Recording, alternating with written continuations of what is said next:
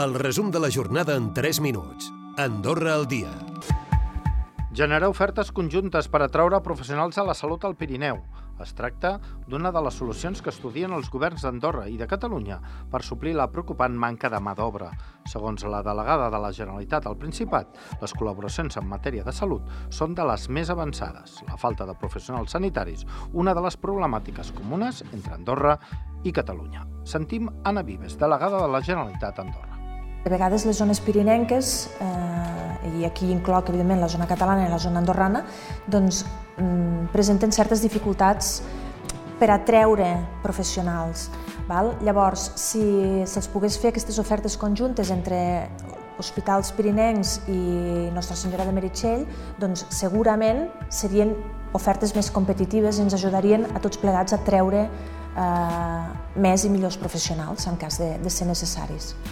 Per Andorra, una de les necessitats més urgents és poder atendre els ferits a accidents de trànsit, nacionals o residents, perquè puguin ser més a prop de casa. En canvi, per Catalunya i sobretot l'Alt Urgell, les necessitats passen per utilitzar el servei de cirurgia pediàtrica i sobretot l'UCI, fet que evitaria llargs trajectes i despeses econòmiques.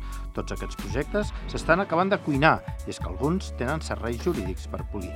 Per treballar-ho, s'ha creat un grup de treball especialitzat en la matèria en economia. L'agència Moody's ha pronosticat un creixement del PIB d'un 2% per aquest any i d'un 1,5% durant el 2025 i el 2026. Així ho ha fet públic en el seu darrer informe publicat aquest passat divendres.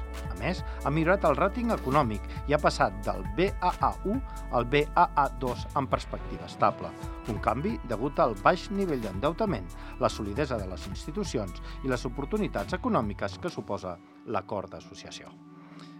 Més coses, la coordinadora per l'habitatge digne està disposada a alçar la veu enfront dels desnonaments silenciosos amb accions que anunciaran en breu. El primer és el de l'Isabel i l'Antonio, previst pel 26 de gener. Recordem, dos germans de més de 70 anys, un dels quals amb dependència. La plataforma posa de manifest que es tracta de dues persones vulnerables i que el procés judicial que estan vivint vulnera els seus drets. Demanen a Afers Socials compromís per buscar una solució alternativa a la que es va oferir, una pensió que no es considera adaptat a les seves necessitats.